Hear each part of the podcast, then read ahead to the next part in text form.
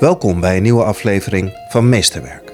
Een serie gesprekken over ontwikkelingen binnen het onderwijs. Je zult de zin moeten ontlenen aan het leven dat je leeft met je leerlingen en waar je ze naartoe wil brengen. En als je daar een stevig concept voor hebt, dan hoef je niet iedere dag te zoeken naar de zin van je werk. Scholen met een duidelijk onderwijsconcept en waar persoonsvorming belangrijk wordt gevonden, groeien. De populatie op deze scholen is echter niet altijd een afspiegeling van de buurt of de samenleving. Diversiteit en inclusiviteit is een veelgehoord verlangen. Maar wat vraagt diversiteit eigenlijk van ons? En wat brengt diversiteit? Er is bij ouders, met name bij de hoogopgeleide ouders, behoefte aan onderwijs waar hun kind zich eh, gekend voelt. Waar zinvol onderwijs wordt gegeven. Waar het niet alleen gaat om de prestatie. Samen met Wouter Modderkolk doe ik onderzoek naar diversiteit en inclusie binnen het vrije schoolonderwijs. Wouter is docent economie op een vrije school. Vandaar dat we soms door de bril van het vrije schoolonderwijs naar dit maatschappelijk vraagstuk kijken. Onderwijs voert uiteindelijk tot een politieke discussie als we spreken over inclusiviteit en diversiteit. In het onderwijs is het niet bon ton om over politiek te praten of in politiek termen te spreken. In deze aflevering spreken wij Luc Stevens.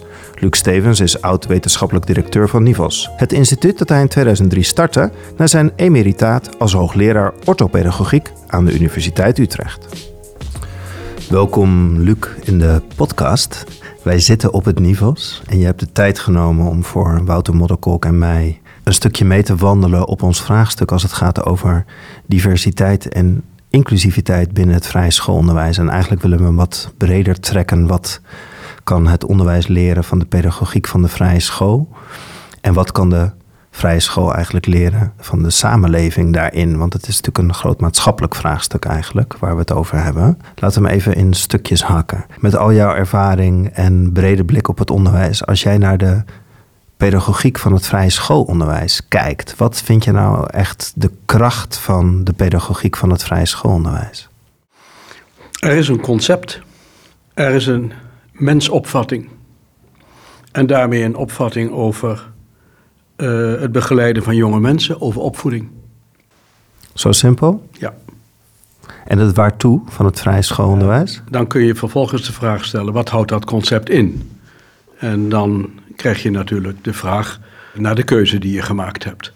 Dit is het mensbeeld dat Rudolf Steiner een basis heeft gegeven. Daar zijn natuurlijk toch ook evoluties geweest in het denken. Je kunt je onderwijs niet zomaar op zijn gedachten van destijds terugvoeren. Maar de omvattendheid van het mensbeeld, met uitdrukkelijke aandacht voor de spirituele dimensie, spreekt mij in elk geval erg aan, uh, maar geeft ook kracht aan degene die met het concept of met dit, in dit mensbeeld willen werken. En wat zie je dan? Wat levert dat dan op? Wat is dan de kracht die, die je ziet aan mensen die op het vrije schoolonderwijs doorlopen hebben of de leraren die daar werken? Dat ze de zin van hun werk veel directer ervaren in de persoonsvorming van de kinderen. Je kunt aan je rekendidactiek zin ontlenen, maar dat is gauw over. Je zult de zin moeten ontlenen aan het leven dat je leeft met je leerlingen en waar je ze naartoe wil brengen. En als je daar een stevig concept voor hebt, dan hoef je niet iedere dag te zoeken naar de zin van je werk. Dus in wezen zie ik daar heel veel kracht enigszins vergelijkbaar met het Montessori, met het denken van Maria Montessori, waar die spirituele dimensie niet zo aanwezig is, of zo duidelijk in elk geval niet aanwezig is, maar waar een heel duidelijke opvatting over het kind aan ten grondslag ligt. En dat, dat maakt dat onderwijs per definitie sterk. En je hebt het, maar dat is een zwakke analogie, altijd gezien in de verlegenheid van het openbaar onderwijs in Nederland als zij hun schoolconcept moesten invullen. Ik ben nogal eens betrokken geweest bij de vraag van scholen voor openbaar onderwijs om hen te helpen het schoolconcept in te vullen. Waarbij bijvoorbeeld niet vanzelfsprekend werd gedacht aan de grondwet en het respect dat de grondwet vraagt voor een reeks van zaken. Uh, dat is voor de protestants-christelijke katholieke scholen in het verleden veel gemakkelijker geweest. Die hadden een boodschap opvatting over mensen en een boodschap. Die waren, als het ging over het creëren van een schoolconcept of een schoolethos, altijd merkbaar in het voordeel. Dat verdwijnt nu langzaam, uh, of langzaam, snel. Uh, dus daar zie je de protestants-christelijke en katholieke scholen die oorspronkelijk die signatuur uh, duidelijk in hun concept konden laten zien, ook in verlegenheid raken. Maar goed, dat voert ons iets te ver misschien. Nou nee, want dan is eigenlijk de aansluitende vraag is wat ik zie is dat vrije scholen groeien. Uh, onlangs hebben we elkaar ontmoet op een Agora-school, zijn wij samen geweest. Hè, de Agora-scholen groeien. Dus als het gaat over die persoonsvorming, naast jou hangt een mooie poster zonder relatie geen prestatie. Ja. dat staat eh, in die, in die vormen van onderwijs heel erg centraal, die relatie. Je ziet dat dat ontzettend groeit dus je ziet dat er heel veel mensen naartoe bewegen om hun kinderen. En kinderen voelen zich daar fijn, maar ook ouders voelen zich blijkbaar daar fijn. Kan je dat verklaren, dat dat, dat type onderwijs groeit in Nederland? Of zie ik het te positief? Nee, nee, nee, nee, nee. Nou, die groei is voor het onderwijsveld als geheel niet zeer opvallend. Nee?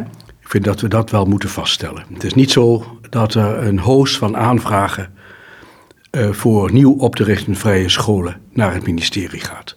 Dat is niet zo. De bestaande vrije scholen raken meer en meer overbelast en moeten uitbreiden enzovoort. Maar uh, er is niet echt sprake van een heel zichtbare ontwikkeling in onze samenleving. Er is bij ouders, met name bij de hoogopgeleide ouders, behoefte aan onderwijs waar hun kind zich uh, gekend voelt, waar zinvol onderwijs wordt gegeven um, waar het niet alleen gaat om de prestatie.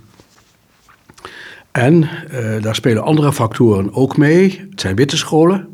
En ouders, witte ouders hebben hun kinderen graag op witte scholen. Ja, is dat... dat is ook zo'n wetmatigheid waar de grote steden ongelooflijk mee worstelen. Is dat een wetmatigheid, Luc? Willen hoger opgeleide ouders met elkaar in de bubbel zitten met hun kinderen in de bubbel? Ja, dat is een wetmatigheid. Dat is gewoon het menselijk tekort waar waarop je het uiteindelijk kunt terugvoeren en waar je dus als samenleving iets aan moet doen. Ja, kijk, het menselijk tekort dragen we gewoon altijd mee. En wanneer je daar niet voldoende oog voor hebt, dan krijg je hele interessante gesprekken, maar niet echt zinvolle gesprekken. Dat geldt bijvoorbeeld voor het begrip inclusiviteit. Daar praten we allemaal over. De schoolbesturen voelen zich verplicht om overheidsbeleid in die zin ook uit te voeren. En die laten dan, laten we zeggen, een aantal gelukkige momenten in hun scholen zien. Gelukkige momenten van inclusie. Maar daar blijft het ook bij. Inclusie is een ongelooflijk uh, grote maatschappelijke uh, en individuele opgave. Waarom? Omdat het wrijft, omdat het conflicteert met de basale behoefte om jezelf herkend te zien in je omgeving en omgekeerd. En mijn omgeving is niet de omgeving, de omgeving, eh, laten we zeggen, waar ik woon, eh, waar mijn kinderen zijn grootgebracht, is niet de omgeving van de grote stad. Is niet de omgeving van Rotterdam-Zuid, waar honderdduizenden mensen wonen. Uh, en waar we dus als samenleving mee, mee moeten rekenen, maar waar, ik, waaraan ik mij persoonlijk kan onttrekken. En waaraan ook uh, een school zich kan onttrekken. Ligt daar een opdracht voor de school? Daar ligt een maatschappelijke opdracht, uh, dus een politieke opdracht. En daar ligt voor onszelf als pedagogen een opdracht. En die opdracht, die zou je moeten laten formuleren door degene die je direct betreft. Maar wat doen wij? Wij, wij formuleren die opdracht zelf. Een schoolbestuur formuleert de opdracht aan zichzelf om inclusief onderwijs te geven. De overheid formuleert de opdracht inclusiviteit zelf. Als ik de inwoners van Rotterdam-Zuid of Utrecht, Vleutenseweg, zou vragen: wat is jouw opdracht als het gaat over inclusiviteit? Misschien dat ik dat begrip niet moet gebruiken dan is dat mijn opdracht geworden. Snap je? Het is degene wie, wie bepaalt het onderwijsbeleid in Nederland. Dat zijn de hoogopgeleiden. Ik vind dat echt een, echt een probleem voor een samenleving. De elite formuleert de opdracht van de samenleving. De opdracht die aan de samenleving is gegeven. Wij formuleren de belangen van de bewoners van Rotterdam-Zuid. Omkeren, omkeren. Kan je me helpen? Uh, ik voel heel erg met je mee, maar heb je misschien voorbeelden, wellicht buiten het onderwijs, waarin je ziet dat dat op een goede manier gebeurt? Nou, kijk bijvoorbeeld, geen uh, ouder wil dat zijn kind wordt afgewezen op school. Een kind dat met vijf jaar al thuiskomt met een zogenaamd zwakke CITO-score, wordt door het systeem al afgewezen. Ouders voelen zich individueel zelden of nooit bij machten om daar echt actie te ondernemen. Want ze weten dat dat op niets uitdraait. En de hoogopgeleiden die kunnen dan het wel een tijdje volhouden in de discussie met de schooldirecteur of met de klasse. Maar ze zien ook dat hun kind daaronder leidt. Dus het hele systeem is ingesteld op selectie. Dat heeft de commissie Dijsselbloem nog een keer bevestigd. Letterlijk. In 2008, geloof ik. Klopt. Hoe is het mogelijk? Is dus ingesteld op afwijzen. Zo gauw je een onvoldoende of een zwakke, zogenaamd zwakkers, word je afgewezen. Beantwoord je niet aan de verwachting. En dat blijft voor de rest van jouw schoolloopbaan. Als je niet oppast. Dus dan is de vraag, maar wat is dan je schoolconcept? Daar zie ik het begrip afwijzing niet voorkomen. Dat hoort erin te staan in het schoolconcept. Wij zijn er om kinderen te selecteren. Dat is de opdracht die onze overheid ons geeft. En ze hebben instituten die dat meetbaar kunnen maken en kunnen bevestigen. En dat wordt de werkelijkheid voor leerling en ouders. Maar vervolgens wordt dat ook beleid van bestuurders. Neem even de serie Klassa die vorig jaar uh, bekeken werd. De, de, de, eindtoets komt daar heel duidelijk naar voren in jouw in relatie tot wat jij net zegt, hè, dus het afwijzen. Toch zeggen alle bestuurders in Amsterdam: wij houden vast aan die eindtoets. Ja, voor mij is het niet begrijpelijk, tenzij je vanuit een andere opdracht redeneert. Zij redeneren dus vanuit een andere opdracht dan ik die aan het onderwijs zou geven. En toch zeggen zij allemaal: we, we staan met elkaar in deze stad en we moeten voor alle kinderen in deze stad er zijn. Ja, dat zegt de wethouder die in de, uh, in de film Klassen optrad ook. Is een fervent tegenstander van dat selectieprincipe zoals het wordt gepraktiseerd. Laten we dat zeggen, zoals het wordt gepraktiseerd. Maar zij krijgt de schoolbesturen niet om. Die hebben er belang bij om het te handhaven. Dat is de enige verklaring. Als ze er geen belang bij hadden, zouden ze het niet doen. Dus jouw vraag is aan de school: wat is jouw belang om dit te handhaven? En die discussie wordt niet gevoerd. En het belang zit toch in prestatiedruk. Het is een politiek belang. In politiek belang. Politiek belang, lijfsbehoud, ja. Als we aan de andere kant van de streep zouden staan, als we uit zouden gaan van wat diversiteit zou opleveren. Dus dat als we even aan die kant gaan kijken, aan de perspectief. Wat zou diversiteit en, en inclusiviteit in het, in het onderwijs bijdragen aan het onderwijs? Dat wij een, uh, een veel veerkrachtiger samenleving krijgen. En die hebben we hard nodig blijkt in heel veel opzichten. Wij kennen alle de actuele voorbeelden. Onze samenleving is uiterst kwetsbaar geworden. Met die segregatie, onder andere de segregatie niet alleen. Maar dat maakt kwetsbaar. Dat glijdt makkelijk af naar controverses en strijd. Dat zie je in Amerika nu het sterkst. Maar dat zie je hier dus ook al gebeuren. De, het vocabulaire van de Tweede Kamer is schrikwekkend is werkelijk schrikwekkend. En de voorzitter zegt er wat van. Maar Nederland komt niet in opstand. Meneer Wilders kan zeggen wat hij wil en meneer Baudet ook. Ik heb ze nog nooit een excuus horen aanbieden voor gewone, ordinaire scheldpartijen. In onze Tweede Kamer. Onze samenleving is daar niet van onder de indruk. Of formuleren wij onze samenleving verkeerd? Hebben we een verkeerde perceptie uh, van wat wij met samenleving bedoelen? Samenleven. Onderwijs voert uiteindelijk tot een politieke discussie als we spreken over inclusiviteit en diversiteit. Als 25% van de Nederlandse bevolking rechts tot uiterst rechts stemt, dan is dat vanuit een bepaalde opvatting over de huidige samenleving vanuit een opvatting over de kansen die hen worden geboden, zichzelf te zijn, zichzelf erkend te zien, uh, zinvolle arbeid te verrichten enzovoort. Hun kinderen in goede omstandigheden groot te zien worden. Dat zijn de motieven op grond waarvan ouders stemmen. Als dat het geval is, dan moet je daar, toch als schoolbestuur even bij stilstaan. Daar moet je als gemeenteraad bij stilstaan. Daar moet je als, als bestuurder, als verantwoordelijk... De verantwoordelijke elite moet daarbij stilstaan. Ik gebruik het woord elite met respect en expres. Omdat elke samenleving geleid zal moeten worden. Er zullen mensen moeten zijn die zich verantwoordelijk voelen voor het geheel... en daar hun, hun leven aan willen wijden. Politici, bestuurders, ook leraren, zorgverleners mensen die zich in dienst willen stellen van anderen, eh, samengevat. Die zullen zich toch moeten realiseren dat je die samenleving niet verder kan krijgen als een deel zich bewust afzondert van jou.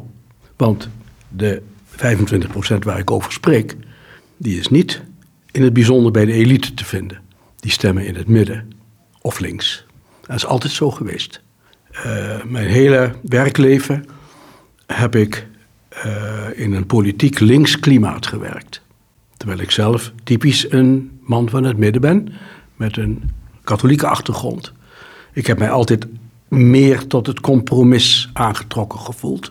In zo'n grote diversiteit. En ik bevond mij dus in de elite. En de elite was links en is nog steeds links. Dat gesprek zou ik willen voeren als we spreken over diversiteit en inclusiviteit. Maar dat is politiek niet beleefd. Maar als het onderwijs een oefenruimte is om naar volwassenheid te gaan en een, een volwaardige rol in, het, nou, in de maatschappij en de samenleving te doen, dan heeft het onderwijs een enorme opdracht om hierin te vormen. Ja, in het onderwijs is het niet bon ton om over politiek te praten of in politieke termen te spreken. En kritiek, kritiek op de politieke beleefdheid wordt als onbeleefd beschouwd. Door wie wordt dat als onbeleefd beschouwd? Door de, door de onderwijscultuur als geheel. Onze minister van. Eh, er is één minister, zeg ik wel eens. Ik weet niet of het echt zo is, maar eh, ik denk het haast wel. Er is één minister in eh, de ministerraad, de raad van onze ministers, die geen besluiten kan nemen zonder raadpleging van de vakorganisaties. Zij is niet autonoom in haar bewegingsruimte. Zij heeft geen bewegingsruimte. Hij of zij. Hoe bestaat dat? Wie regeert daar? werkgevers, werknemers, in het bijzonder de werknemers. En het is politiek onbeleefd om de vakorganisatie met zijn politieke invloed, zijn beslissende politieke invloed ter discussie te stellen. Terwijl een heleboel schooldirecteuren en besturen een ongelooflijke taak hebben aan de zogenaamde vaste aanstelling. Ik heb dat schooldirecteuren wel eens gevraagd in een eh, informeel contact, als je er zo 20, 30 bij elkaar hebt. Wie ervaart het niet als een probleem? Ze ervaren het als een recht en zo ervaar ik het zelf ook. Maar je moet ook de andere kant van het recht onder ogen durven zien en daarover durven spreken. Maar politiek is dat incorrect. Dat heeft mij altijd gefascineerd. Terwijl pedagogen zich zelden uh, op politiek uh, terrein begeven. Ik doe dat wel. En omdat ik nu, uh, zeg maar, mij belangeloos kan uiten, ik heb geen publieke verantwoordelijkheden meer, breng ik de dingen ook graag bij elkaar. En wijs de weg hierin. Welke weg kunnen wij bewandelen? Door open te spreken over de problemen zoals we die ervaren. Er is in het gesprek over onderwijs weinig of geen openheid. Weinig of geen openheid, ook door een gebrek aan zelfbewustzijn. Mopperen. Dat is dan het resultaat. Als je jezelf niet geheel verantwoordelijk kunt voelen voor je werk. Autonoom, dat wil zeggen een zekere bewegingsvrijheid die bij die professionaliteit hoort. Als je het gevoel hebt gedwongen te zijn, zoveel te doen wat eigenlijk naar jouw idee niet tot je taak hoort, dan ga je mopperen. Maar we blijven altijd op elkaar mopperen, Luc. Nu, we zitten weer midden in een pandemie. Zometeen de vraag is, gaan, gaat de kerstvakantie verlengd worden? Dan zijn er veel leerkrachten aan het mopperen, want dat moet dan misschien van de zomervakantie af. Uh, het is linksom niet goed. Als de scholen open blijven is het niet goed. Als ze dicht gaan is, is het eigenlijk ook niet goed. Als we te veel aandacht aan kwalificatie geven, dan gaat de andere kant van persoonsvorming mopperen. Als er te veel aandacht gaat over mopperen of over persoonsvorming, komt de andere kant, we vergeten taal en rekenen. Ja, ja. houdt het onderwijs zichzelf volledig in, uh, het in onderwijs heeft zichzelf in belangengroepen georganiseerd. Als je, uh, laten we zeggen, laten we spreken over Uh, wat mij erg aan het hart gaat, dat is de onderprestatie in het onderwijs. De algehele onderprestatie. Op grond van het feit dat we het curriculum hebben opgedeeld in leerstof, jaarklassen. Zo gauw ik dat aan de orde stel, waar ook, is er meteen iemand die zegt: Ja, maar ik ken ook scholen die. Er wordt meteen naar een voorbeeld van het tegenovergestelde verwezen. Eén voorbeeld, één of twee of drie casus. Terwijl ik het op een ander niveau spreek. Dus men, men dwingt de gesprekken vaak ook onmiddellijk tot zijn eigen niveau terug. Tot het niveau van de individuele casus. Dat is niet het niveau waarop je onderwijsbeleid kan maken of waarop je fair en open over onderwijs kan discussiëren. Die behoefte om de ander in gewetensnood te brengen is dodelijk voor de discussie. Iedere keer wordt erop gewezen dat er toch zijn die het heel goed doen.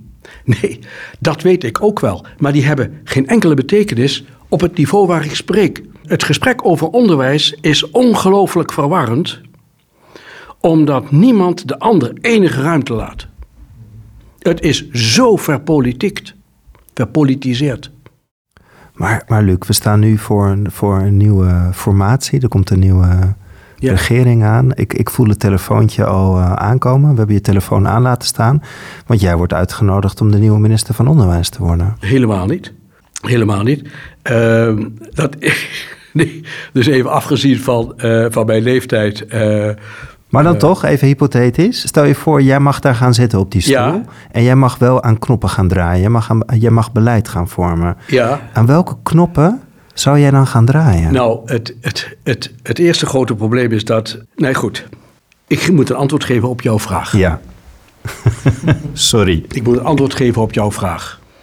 Ik zou zeker willen proberen om wat ik zojuist heb proberen toe te lichten, te bereiken. Een open gesprek over de vraag of wij onze leerlingen en studenten dienen met het stelsel zoals het nu bestaat. Het stelsel en de daarvan afgeleide praktijken. Eh, waarbij ik het begrip selectie dan als kapstok zou willen gebruiken. Onderwijs is er niet om te selecteren. Dat wil ik graag verdedigd zien, dat selectieprincipe. Ik zou het, het debat, dus aan welke knop wil ik draaien, er moet gesproken worden, gesproken worden over de samenleving die je wil. Wat daarvoor nodig is als het gaat om onderwijs. Enerzijds en anderzijds wat kinderen, wat jouw studenten en jouw leerlingen vermogen. Dat je dat ook zoveel mogelijk tot zijn recht laat komen. In een curriculum weliswaar. Er zijn uh, vooropgezette bedoelingen. Er is vooropgezette inhoud. Dat, ik heb me eigenlijk nooit zo met curricula bezig gehouden. Ik ben ook geen kenner. Uh, het gaat mij om de bedoeling ervan, de zin ervan. En uh, geef jij je kinderen de mogelijkheid zichzelf te gaan ervaren als actoren die verantwoordelijkheid kunnen nemen, zodat ze later dat aan hun eigen kinderen ook kunnen doorgeven. Ben jij met huidskleur in je klas bezig? Ben jij met pesten bezig? Dat zijn belangrijke vragen. Dat rekenen, schrijven en lezen, die wiskunde, dat komt daarna wel. Dat is niet zo verschrikkelijk moeilijk. Er is een curriculum, rekencurriculum, basisonderwijs van zes jaar, als je wil acht jaar. We hebben die jaren helemaal niet nodig. Je kunt in een jaar alle rekenonderwijs geven. Er zijn voldoende voorbeelden van. En dan is de eerste vraag: geeft u mij eens een voorbeeld? Kijk, dat is het niveau van de discussie waarop je niet moet komen. Maar waarop de politiek je altijd dwingt. Je moet het, de discussie zuiver houden. En dan is er zo ontzettend veel meer mogelijk. En vooral tot veel meer vreugde. Nog meer vreugde, want zo droevig is het nou ook niet. Meer vreugde voor leraren, voor docenten en schoolleiders. Die moeten zich niet belast voelen. Ik zie nu bij mijn eigen kleinkinderen hoe die CITO de scholen regeert. Nou, ik ken het CITO natuurlijk vanuit mijn werkleven. We hebben hier op een van onze onderwijsavonden de vorige directeur van het CITO. Uh, we, hebben, hebben daar een bezoek gebracht, hebben lange gesprekken gevoerd. Zij zien dat heel anders. Zij zien het als niet politiek, zij zien het als dienstverlening. Terwijl de praktijk van het onderwijs, in de, in de praktijk van de leerdoelen zijn uh, vervangen door de toetsen. Er wordt niet meer in leerdoelen gedacht, maar in toetsen. Dat is de praktijk in de klas.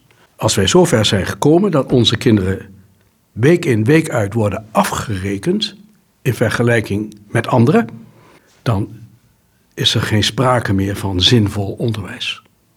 Gelukkig is er heel veel compensatie. Het blijft mensenwerk. En er gebeuren dus meer goede dan kwaaie dingen. Maar voor heel veel leerlingen ook het omgekeerde. Die daar hun uh, zelfvertrouwen kwijtraken. De Amerikanen hebben daar een mooi begrip voor. Dat is de ervaren hulpeloosheid natuurlijk. Dat wordt daar gekweekt in het onderwijs. Dat is echt heel erg. En voor een samenleving ook heel schadelijk.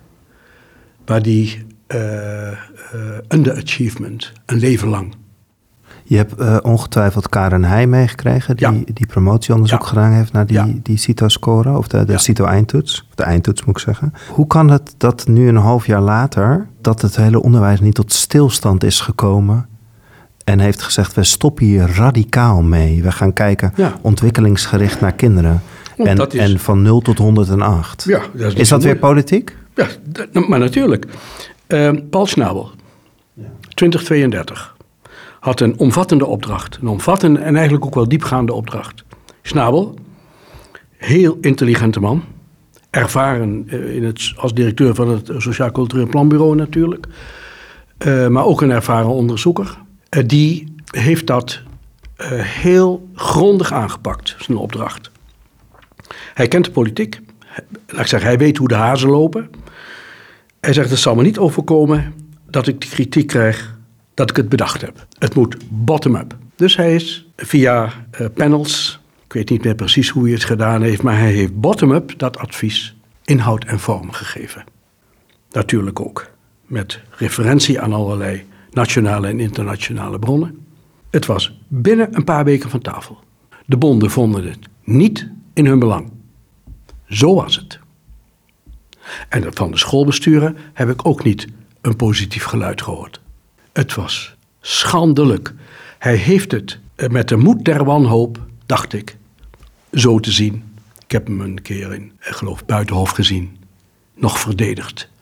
En zich alle suggesties, alle licht onheuse suggesties tegen, daartegen te weer moeten stellen. En dat was een grote investering, ook financieel. Uh, de commissie had behoorlijk wat uh, gezag, zeg maar op voorhand, binnen een paar weken van tafel.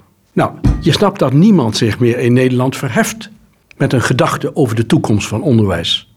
Dus we zijn eigenlijk allemaal in de, in de groeven van de plaat gaan zitten en daarbinnen zijn we onze eigen muziek gaan maken. Ja.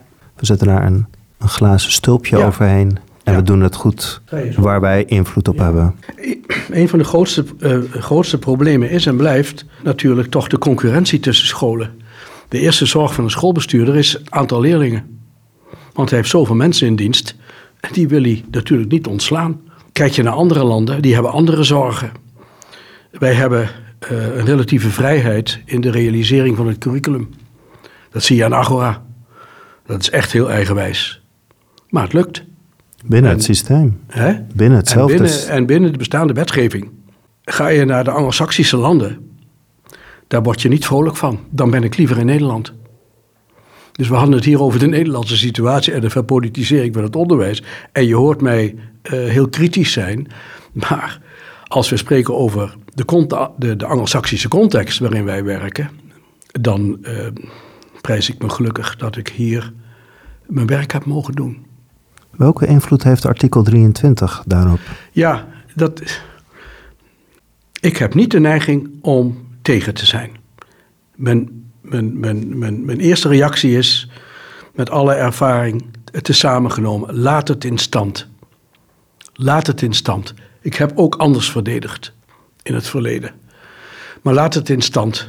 Maar geef de individuele leraren en schoolleiders meer verantwoordelijkheid. Laat ze meer professional zijn. Laat ze meer echt met de kern van hun, met de kern van hun vak werken. Ja, en haal dat controle-element eruit. De Kamer wil controleren. Die behoefte is, dat is natuurlijk een reactie op, op 23. Behoefte aan controle. En een mens wil niet gecontroleerd worden. Hij snapt dat hij zich moet legitimeren. En dat de legitimatie kritisch wordt bekeken. Maar je wil niet gecontroleerd worden. Je legitimeert. Dat doe je zelf. En er zijn anderen die daar iets van vinden. En daar moet je rekening mee houden. Dat is het spel. Je roept op tot vertrouwen, hè, tegenover controle. Als wij kinderen spreken, leerlingen spreken op bijvoorbeeld een vrije school, maar ook op een agora, dan zeggen zij: uh, wij missen nog wel die diversiteit. Wij zouden graag in de wereld waarin wij, die we ook buiten de school tegenkomen, die we sport tegenkomen, die we op de hoek van de straat tegenkomen, in de supermarkt tegenkomen, daar willen we echt ons mee daarin vormen. We, we, gaan toch een beetje naar een apart bubbeltje. Hoe doorbreken we dit met z'n allen, alle Luc? Want... Durven de, de, de, de besturen van de vrije scholen het aan om hun achterban uit te dagen? Hun witte achterban uit te dagen? Door te zeggen, wij gaan vrije scholen vestigen in Rotterdam-Zuid, bijvoorbeeld. Maar er staan scholen in wijken, Luc, die, die, die heel gemengd zijn... Ja. maar heel wit zijn in populatie dan zul je dus je achterban anders moeten aanspreken. Er is nog een, nog een element, wat ik natuurlijk ook naar aanleiding van je brief tevoren bedacht. Dit is één, ik zie een bestuurlijke verantwoordelijkheid. Maar we weten ook dat de niet hogeschoolde ouders, de niet hogeschoolde ouders, die hele grote groep, dat die moeite heeft om andere keuzes te maken dan ze gewend zijn van huis uit informatie tot zich te nemen op grond waarvan ze een andere keuze zouden kunnen maken. Je vecht ook met een conditie die je niet kan veranderen. Ik zie die andere kant ook. Zo gauw ik in een Marokkaans milieu, Marokkaanse ouders, als ik hen moet uitleggen wat het vrije schoolonderwijs bedoelt, dan zullen zij daar niet voor kiezen. Tenzij ik, tenzij ik mij losser kan maken van de bron en het een moderne gestalte kan geven. Als wij denken aan de hele mens, wij hebben een opdracht voor de samenleving, wij denken aan de individuele verschillen, dus geen dus maatwerk bij ons. Wij doorbreken dat leerstof-jaarklassensysteem. Dus je kunt de ouders met behoud van de belangrijkste elementen uit je concept een interpretatie van het concept bieden die voor hen aantrekkelijk is. Waarom? Omdat er met hun kind rekening gehouden wordt. En niet in de eerste plaats met de zogenaamde uh, verwachtingen van buiten. Dat er niet geselecteerd wordt. Dat hun kinderen kunnen rekenen op ontwikkeling van vertrouwen en zelfvertrouwen in de school. Dat moet ik ouders toch kunnen uitleggen.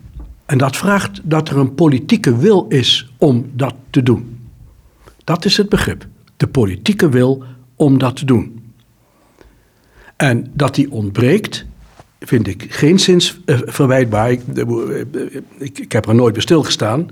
Misschien is die politieke wil er hier en daar wel. Dan zou ik zeggen, laat die algemeen worden. Wij zijn er voor de hele samenleving. Wij zijn er echt voor de hele samenleving. Er speelt bij de keuze van ouders eenvoudig het motief dat zij de beste omgeving voor hun kind willen en dat van hen niet verlangd mag worden dat zij ook maatschappelijke verantwoordelijkheid ervaren of erger nog als wereldverbeteraars te boek staan.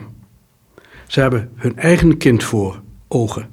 En het is natuurlijk wel zo dat als er gekozen moet worden voor een school, je voor je kind een cultuur kiest die past bij de cultuur thuis. Je mag ook andere begrippen gebruiken, rangen, standen. Het gaat mij om cultuur. En de waarden die daar worden gehuldigd. En er zijn in Nederland heel grote culturele verschillen. Die voor de individuele ouder onoverbrugbaar zijn. Onoverbrugbaar zijn. Dat mag je dan niet vragen. Tenzij jij al vroeg een ontwikkeling op gang hebt gebracht in jouw school, voor je, je schoolgemeenschap, waarin je kunt laten zien dat dat schoolethos past bij de cultuur, zoals je die als ouders graag zou willen zien. Daar hebben we te maken met natuurlijk een heel fundamenteel verschil wat elke samenleving kent. En dat hangt samen met economische eh, gegevens, of financieel-economische gegevens, dat hangt samen met demografische gegevens, met etnografische gegevens enzovoort. En daar, daar maak ik ook een pas op de plaats. daar maak ik toch een pas op de plaats. Als ouders mij zeggen: ik stuur het niet naar die school, want daar lopen ze rond met messen en daar wordt gestolen. Die school die heeft poortjes. Dat is kennelijk noodzakelijk. Snap je? Daar houdt voor, ook voor mij het gesprek even op. En daar vind ik ook dat de politici en verantwoordelijke schoolbesturen heel voorzichtig moeten zijn. En geen ideële praat moeten laten horen. Dat is de werkelijkheid. En daar kan je alleen maar heel hard aan werken om dat te veranderen eventueel. Dus ons gesprek heeft, heeft een heel ideeel karakter. Maar het heeft wat mij betreft ook een heel reëel karakter. Er zijn dingen die wij niet kunnen veranderen. En gaat, die, gaat de omgeving het onderwijs daarmee veranderen? Voorzie jij patronen in de samenleving dat we buiten ons onderwijsstelsel dit wel voor elkaar gaan krijgen? Net zoals er aangerastscholen zijn gekomen die maatwerkdiploma's en alle niveaus door elkaar heen. Zie je, verwacht jij dit of houdt het zichzelf zo vast dat het er voorlopig nog wel zit? De vraag is hoe kijken wij naar onszelf? Dan komen we bij de vraag, ja, hoe, hoe denkt Nederland over zichzelf? En daar hebben we een aantal interessante ervaringen op gedaan de afgelopen jaren. We hebben onszelf van een minder aangename kant leren kennen. Want het is niet die of die minister geweest, of het is niet de besliste belastingdienst geweest. Nee, er was een sfeer die de wet dicteerde, die tot een verkeerd gebruik leidde. En de toeslagenaffaire is niet de enige. We kunnen van onze instituties niet meer op aan. En waarom?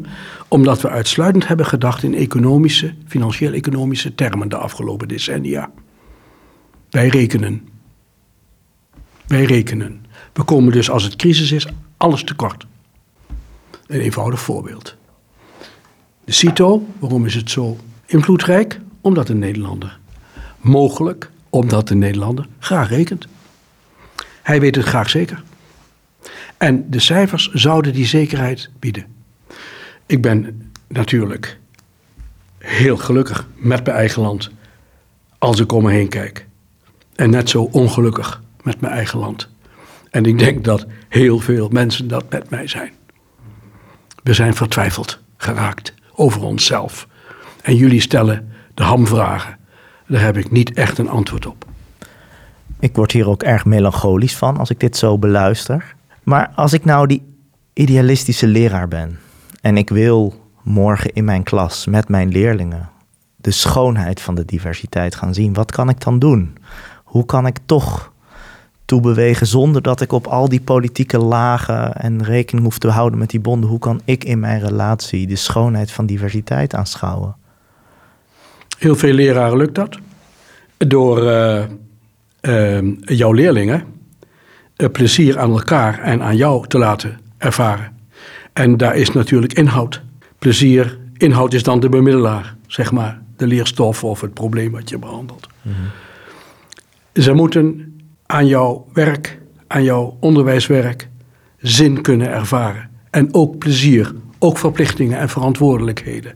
Dat heb je met elkaar wel duidelijk gemaakt. Maar het eerste is essentieel. In die relatie moet zin zijn.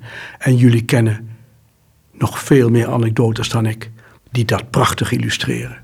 We hebben op onze Nivels site hebben we zoveel mooie anekdotes staan, waar dat wordt waargemaakt in een hele lastige, vaak lastige multiculturele context.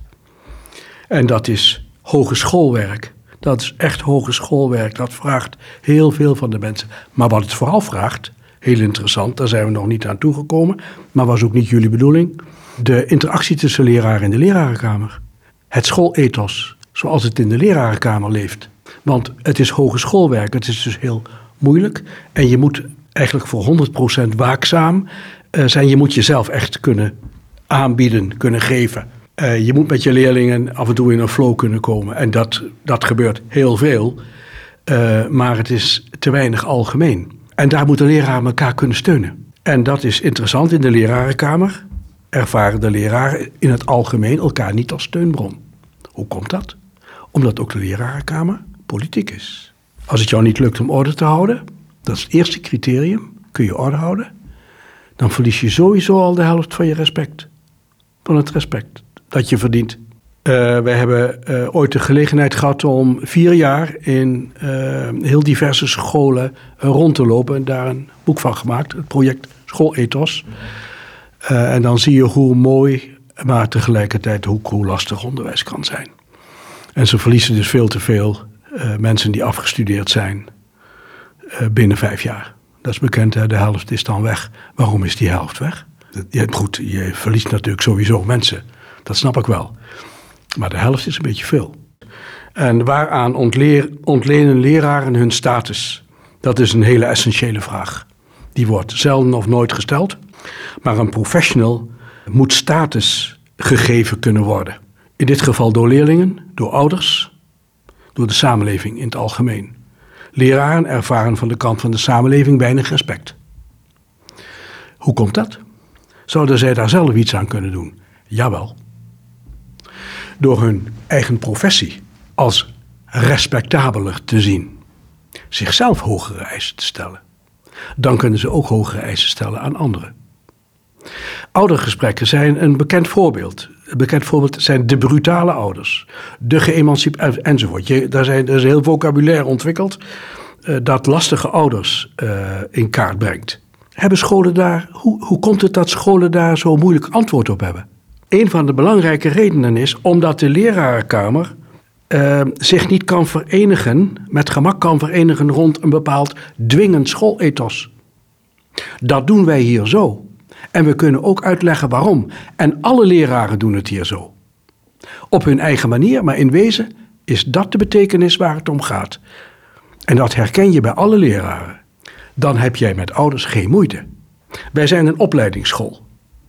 Wij zijn gewoon een opleidingsschool voor de universiteit. Als dat je concept is, en dat wordt door alle leraren gedeeld, dan heb jij een makkelijk gesprek met ouders. Want als jouw kind uitvalt, dan moet hij naar een andere school. Want we hebben van meet af aan duidelijk gemaakt: dit is een school die voorbereidt op wetenschappelijk onderwijs. Dat is helder. Maar dat kan je je nooit permitteren als je afhankelijk bent van het aantal leerlingen. Je moet ieder jaar weer vechten voor je leerlingen. Dan staat de, de, de leraar die, dat het, die die kunst het beste verstaat, die staat bij de ingang. Om potentiële toekomstige ouders te ontvangen. Ik zou het ook zo doen. Uh, en dat hoort ook zo. Uh, je hoort daar ook de man of de vrouw te hebben staan die dat het beste kan. Maar daarachter ligt een belang dat je heel goed moet formuleren. En dat belang, dat is het belang van de leerling. En jouw, jouw zelfvertrouwen als professional is zo belangrijk voor leerlingen. En voor jouw schoolbestuur. Hoe ervaar jij jezelf? En ik hoor leraren zo vaak zeggen: Wie ben ik dat ik? En dan zeg ik altijd: U weet toch wie u bent? Hoe vaak ik dat niet naar voordrachten gehoord heb. Als ze werden aangesproken door mij en zich realiseerden dat het niet goed zat met henzelf. Wie ben ik dat ik? En die vraag, wie, weet je niet wie je bent? Die niet beantwoord kon worden. Die zelftwijfel is soms natuurlijk heel terecht en ook gezond, maar moet niet te vaak optreden. En leraren moeten elkaar daarbij kunnen, kritisch kunnen ondersteunen. Kritisch kunnen ondersteunen. En schooldirecteuren vervullen daar een essentiële rol. Pedagogisch leiderschap, je leraren bij zichzelf brengen, bij hun, bij hun mogelijkheden, bij hun potenties brengen. Zodat ze zichzelf gaan respecteren. Worden wie je bent. Worden die je bent.